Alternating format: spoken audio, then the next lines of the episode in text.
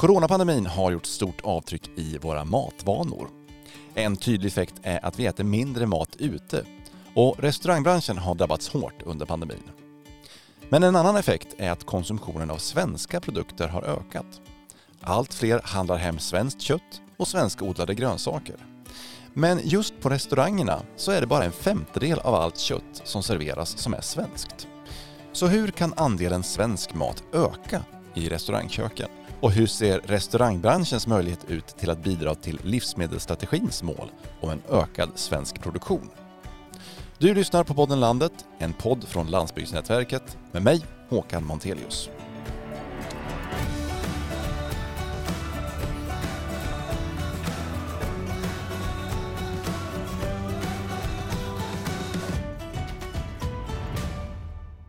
Var kommer köttet på tallriken ifrån? Ja, det kan man fråga sig när man är ute och äter på restaurang. Och det är inte alltid så lätt att få reda på det som restaurangbesökare. Faktum är att det är bara runt en femtedel av allt kött som serveras på svenska restauranger som är just svenskt. Detta enligt en undersökning som LRF gjorde 2019. Och i dagens avsnitt av podden Landet ska vi diskutera just detta.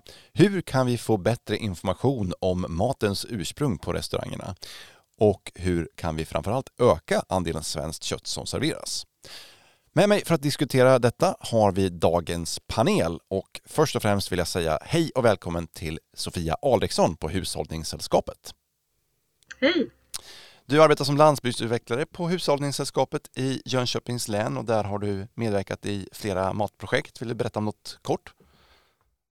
Eh, ja, min roll handlar ju mycket om att eh, marknadsföra den lokala maten vi har runt omkring oss.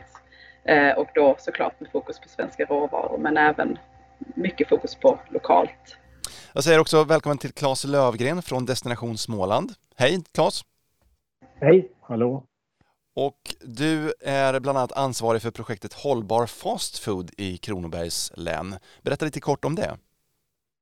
Ja, det är ju eh, så att eh, restaurangerna efterfrågar ju mer lokala Eh, produkter till sina restauranger och då är det ju flera bitar i detta som är eh, viktiga att lösa. Det ena är ju givetvis att hitta bra producenter som eh, har en bra hållbar produktion och produkter som platsar sedan så är jag noggrann med också att det gäller att hitta de restaurang, noggrant utvalda restauranger som kan hantera de här produkterna så det blir på ett professionellt sätt så det blir win-win för båda parter. Och vår tredje paneldeltagare det är Ulrika Norvell, kvalitetsansvarig på Svenskmärkning AB. Hej Ulrika! Hej!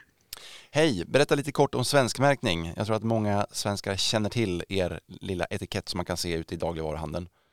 Ja men det, det tror vi också. Vi, vi på Svensk märkning, vi jobbar ju med Från Sverige-märket, här, frivilliga ursprungsmärket för, för mat, livsmedel, råvaror och blommor. Så det är ett Från Sverige, ett blågult märke eh, och i paketet så ingår också kött från Sverige och mjölk från Sverige. Sofia, Claes och Ulrika, varmt välkomna till podden Landet. Tack. Tack. Ja.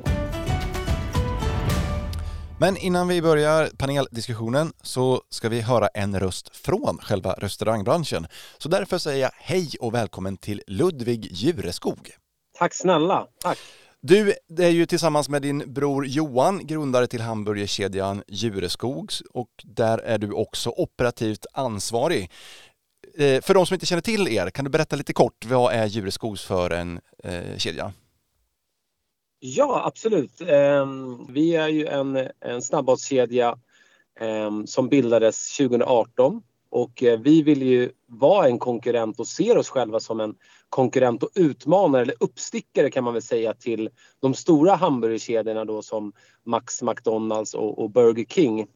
Eh, där vi har valt att jobba med svenskt kött, eh, färskt svenskt kött. Där vi gör då så kallade smashburgare där man liksom helt enkelt trycker till köttbiten mot en häll så att de blir tunna och man får den här karamelliseringen av köttet. Mellan, mellan tummen och pekfingret, hur stor andel av era råvaror skulle du säga kommer från Sverige? Ehm, ja, alltså minst 50 procent eh, av våra eh, råvaror kommer från Sverige men framförallt våra huvudråvaror är ju svenska då som köttet, kycklingen, grillosten vi använder Eh, brödet bakar vi ju själva som sagt. Eh, grönsakerna vi använder eh, är ju svenska och det är ju allting är ju såklart beroende på säsong också. Ja. Tyvärr lever vi i ett, i ett, eh, i ett land där liksom, i alla fall tre månader om året består av vinter och då växer inga grönsaker i alla fall. Eh, det växer i växthus men det är begränsat i den volymen som vi vill få tag på. Så att, då kan det hända att vi absolut använder eh, grönsaker som kommer från, från något annat land. Mm. Men vårt mål är hela tiden att använda saker som, som, som kommer ifrån från Sverige. Men ser man till hela restaurangbranschen så är det endast 20 procent av köttet som serveras på restauranger som kommer från Sverige enligt siffror mm. från, från LRF som har gjort en undersökning nyligen. Vad tror du mm. att det beror på? Jag vet inte hur alla, alla andra tänker men jag menar för oss är det otroligt viktigt med kvalitet. Eh, men någonting som är kanske minst lika viktigt för väldigt många andra är ju pris. Eh, och pris är ju någonting som tyvärr det svenska kanske kan sticka iväg i lite grann alternativt om man får något kött ifrån låt säga Danmark eller Tyskland eller så. Väldigt många människor är så här, ja men det är klart att vi ska äta svenskt kött och jag vill ha svenskt kött och man frågar när man kommer ut på restaurangen, är det här svenskt kött? Men jag tror att det är väldigt få som är beredda att betala för det.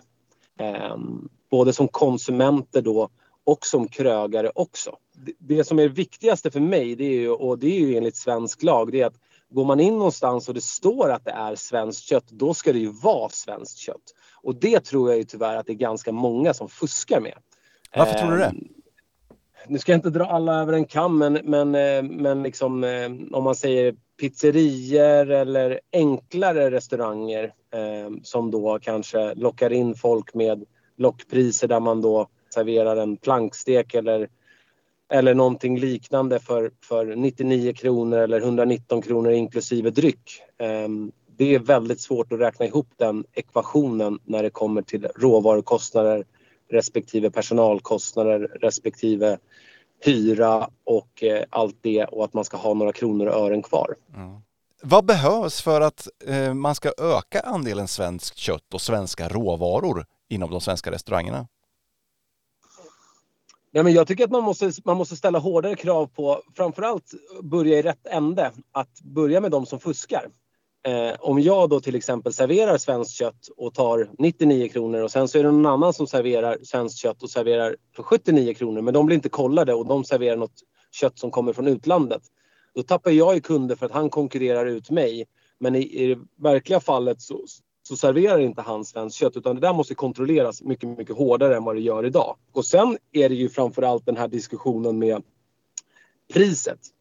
Alltså, är folk villiga att betala för att eh, få bättre kvalitet eller framförallt för att få svensk kvalitet på det? Eh, det är jag lite osäker på. Ehm, och det är ju någonting som vi som krögare ehm, liksom kan göra en, en kraftansamling tillsammans eh, och liksom promota att ha svenska råvaror på menyn. Men som sagt, om priset blir lite högre då kommer gästerna tillbaka. Gästerna villiga att betala för det. Ludvig Jureskog, stort tack för att du var med i podden Landet. Det är jag som tackar. Ulrika Norvell, vad tänker du om det som Ludvig säger? Eh, är den svenska restaurangbesökaren beredd att betala lite mer för att få just svenskt kött på tallriken? Och det är ju jättesvårt att svara på. Vi, vi från Sverige vi gör liksom årliga eh, undersökningar där vi ställer diverse frågor till eh, ja, konsumenter, mycket då i butik som handlar. Eh, men, och där ställde vi faktiskt i år frågan om man är beredd att betala mer för det svenska. Eh, och då får vi svaret att de allra flesta är det. Men det är precis som, som Ludvig säger, det är också en, en, en prisvärdhet i det. Alltså att man vill också få någonting för pengarna. Och då är det ju viktigt att berätta, berätta om det svenska, berätta att man serverar svenskt och också kanske också berätta varför det är bra. Claes Lövgren, Destination Småland. Vad säger du om det som, som Ludvig lyfter här? Eh, jag tror att det finns många delar i det här. Och eh, det som jag har jobbat med mycket det är ju att samla ett eh, restaurangnätverk. För jag tror det är en kunskapsbrist hos restauratören också.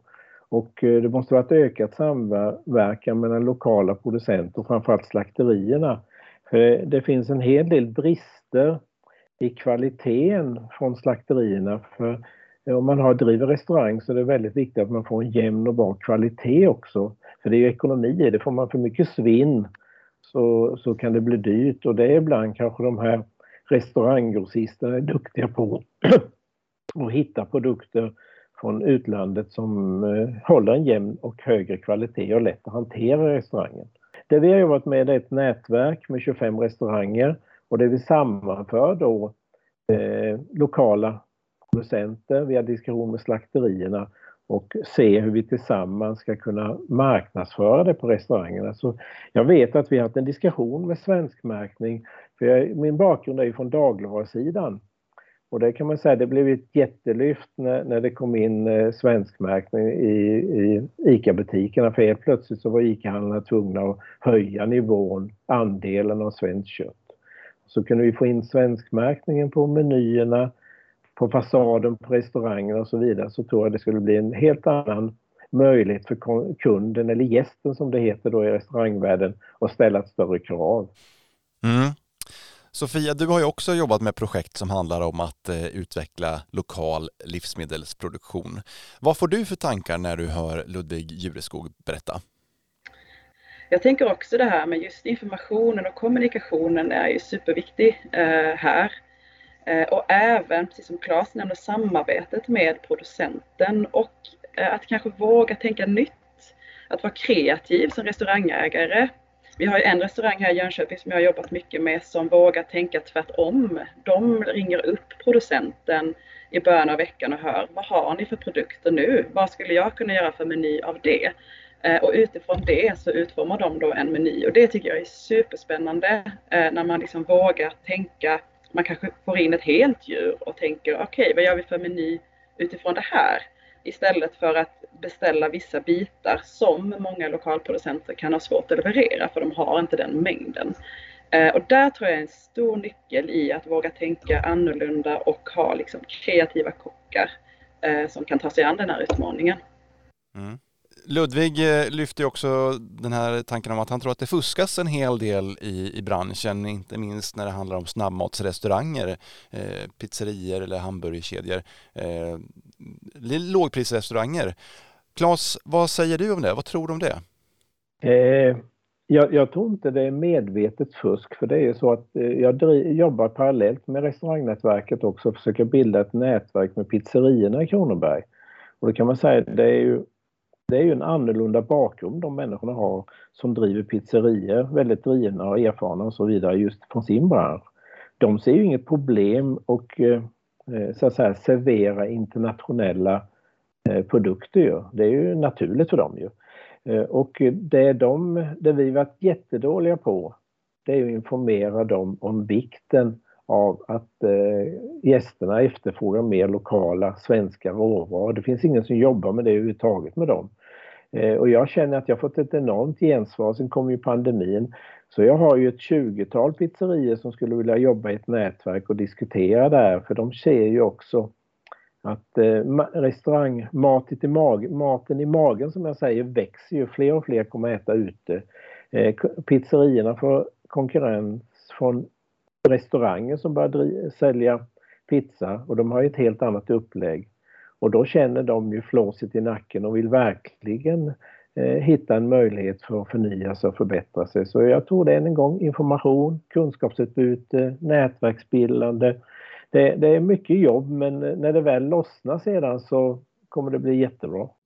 Och Sofia, som du var inne på, att en, en restaurang som får in en, eh, mycket kött kan ju kanske vara kreativa om man har en kock och möjlighet att lägga upp menyn. Men då pratar vi ju om en viss segment av restaurangbranschen, eh, kanske de lite finare restaurangerna, eh, à la carte-menyer och så vidare. Inte pizzerier och så vidare som också är en stor del av restaurangbranschen och som står för en ganska, ganska stor del av, av eh, eh av maten som serveras.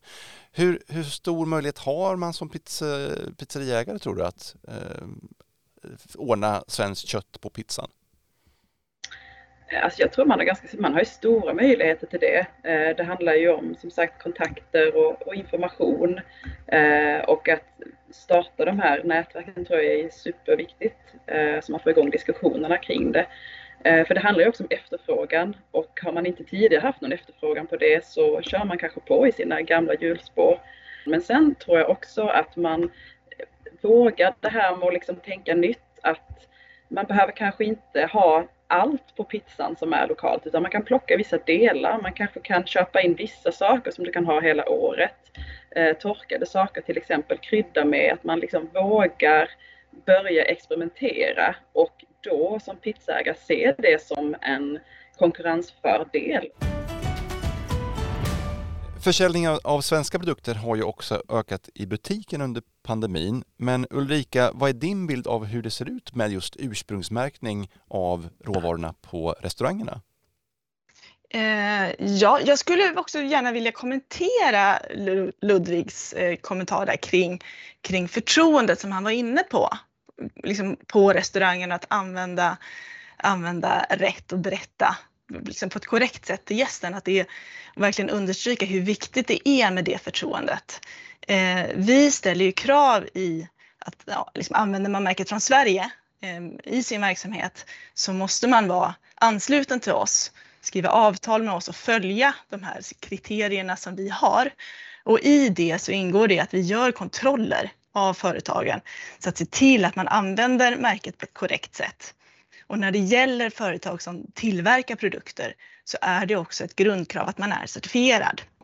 Sen skulle jag också vilja eh, också liksom flytta lite fokus också till, till producenterna och leverantörerna eh, av råvaror till restaurangerna. För de måste ju också tydligt berätta att de jobbar med svenskt för att, för att restaurangen ska kunna veta det och i sin tur berätta för gästerna.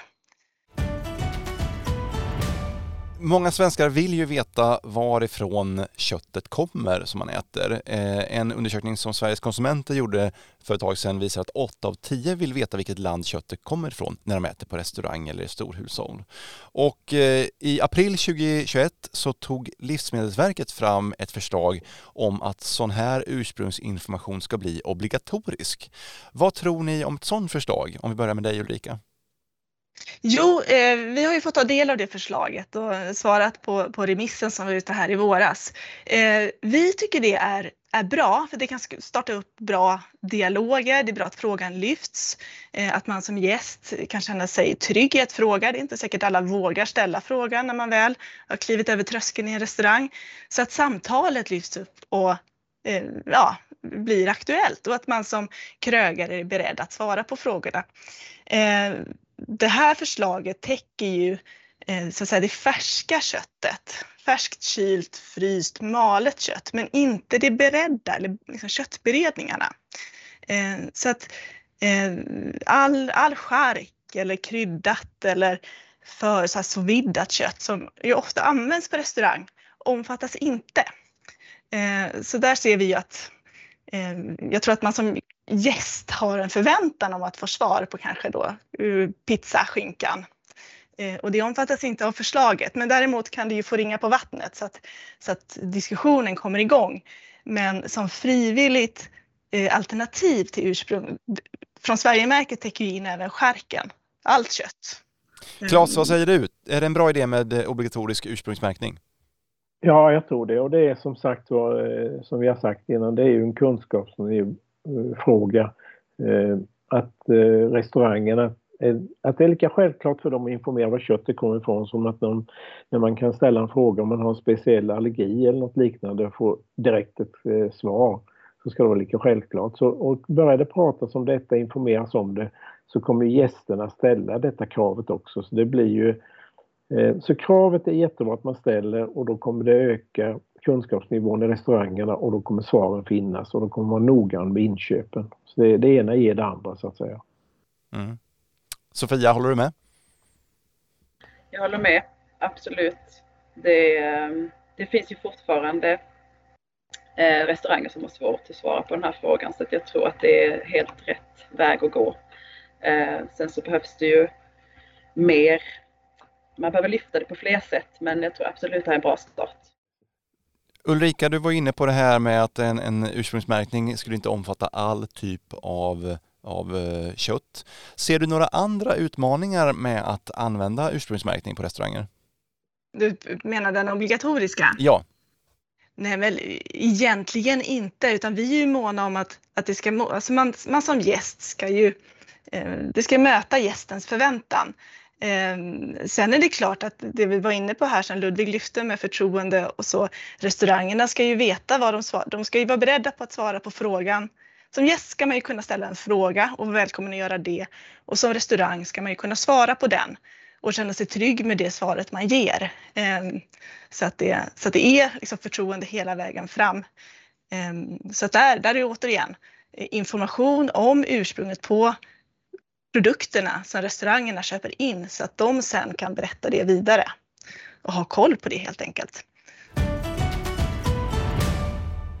Om vi, om vi tittar lite grann på, på livsmedelssystemet i Sverige som helhet så är ju en stor andel av konsumtionen av livsmedel som, som sker just på de privata restaurangerna. På vilket sätt ser ni att, att restaurangernas roll i ett hållbart eh, svenskt livsmedelssystem är, viktig? Alltså vilken roll spelar restaurangerna här? Sofia? De spelar ju en, en jättestor roll. Jag, jag tänker att man också kan eh, liksom bli inspirerad och titta vad sker övrigt i samhället med trender och jag tänker bland annat på rekoringar som vi har jobbat mycket här i Hushållningssällskapet med. Eh, liksom hur intresset för det här växer med den lokala maten eh, och att det liksom bildas ringar över hela Sverige och det är en uppsjö med folk som nu vill börja handla direkt av producenten. Eh, och jag tänker, liksom, är du med där som restaurang, då har du mycket att vinna eh, för att locka just de kunderna som fortfarande bara blir fler och fler. Eh, och ur, ett hållbarhets, ur en hållbarhetssynpunkt är det jätteviktigt för det handlar ju också till stor del om vår självförsörjandegrad och det har man ju märkt nu liksom under pandemin hur fler tycker att det är så viktigt att vi stöttar det lokala. För vad skulle hända om gränserna bara stängs och vi behöver producera all vår mat själva? Då är vi rätt sårbara. Eh, och det här tror jag man som restaurang, lyckas man hitta det konceptet, nå ut med den marknadsföringen, då kan man också locka kunder eh, och samtidigt ha det här hållbarhetsfokus. Mm. Hur ser du att restaurangbranschen kan bidra till målet om en ökad svensk livsmedelsproduktion? Ja, det handlar ju om att liksom vilka beställningar de gör helt enkelt. Eh, och att då för det är ju hela tiden precis som eh, Ludvig säger här, det, det handlar ju om ekonomi också såklart. Eh, så det gäller ju för restaurangerna att liksom steppa upp där och se det som en, som en marknadsföringspotential. Eh, och lyckas man bara hitta de vägarna och marknadsföra sig på rätt sätt via olika kanaler med storytelling tror jag är superviktigt. Då kan man också locka kunder och då kan, liksom, ja, då kan man ha en ekonomi i det också. Mm. Vad säger ni, behöver det bli billigare med svenskt kött? Jag tycker vi har ett jättebra exempel. Eh, Astrid Lindgrens värld. Det känner ni till.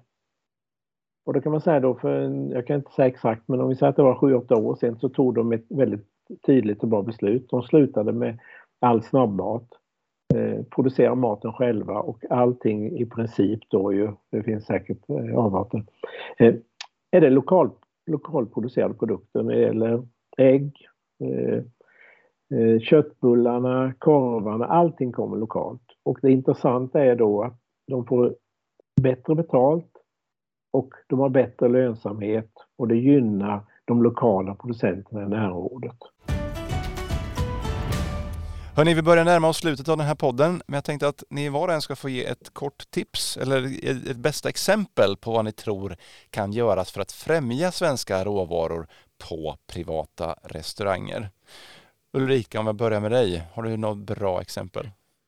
Ja, men hålla igång det här eh, goda samtalet som man säger. Våga prata om mat, våga förmedla eh, värdena kring den svenska maten och berätta om det.